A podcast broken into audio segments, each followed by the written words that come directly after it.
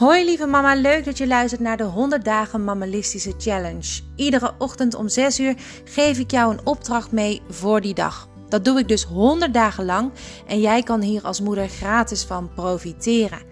Ik doe dit om jou als moeder kennis te laten maken met het mammalisme.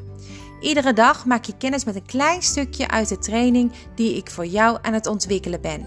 Hopelijk word jij hier net als ik heel blij van.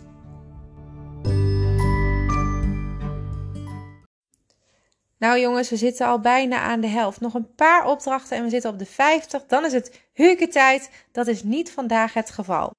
In het verleden heb ik je wel eens een, uh, een, een wild vreemde laten aanspreken.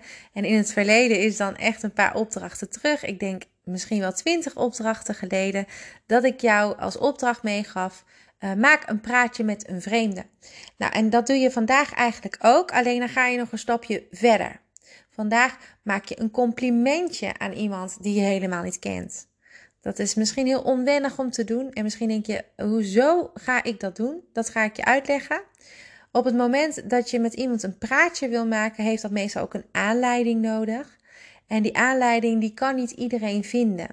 En soms dan sta je gewoon echt letterlijk achter iemand. Iemand kijkt je aan en dan nog weet je eigenlijk totaal niet wat je tegen die persoon zou moeten zeggen.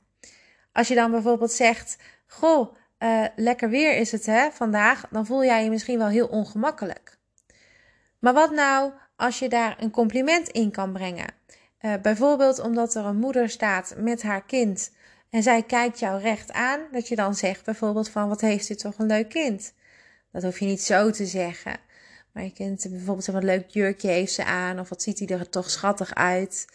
Het, het is iets kleins, maar het kan jou uiteindelijk heel erg fijn iets brengen. En het brengt ook echt een glimlach bij die ander op het gezicht. En het is altijd een goed moment om iemand uh, ja, even te laten lachen. En meestal breekt dat het ijs. Ik heb er zelfs echt mensen door beter leren kennen, omdat je dan de volgende keer iemand weer tegenkomt. Uiteindelijk kwam ik die op het schoolplein tegen, bleek het een moeder te zijn van een kindje wat ik kende. En dan gaat het echt wat sneller rollen allemaal. Je sociale kring kan daardoor echt groter worden.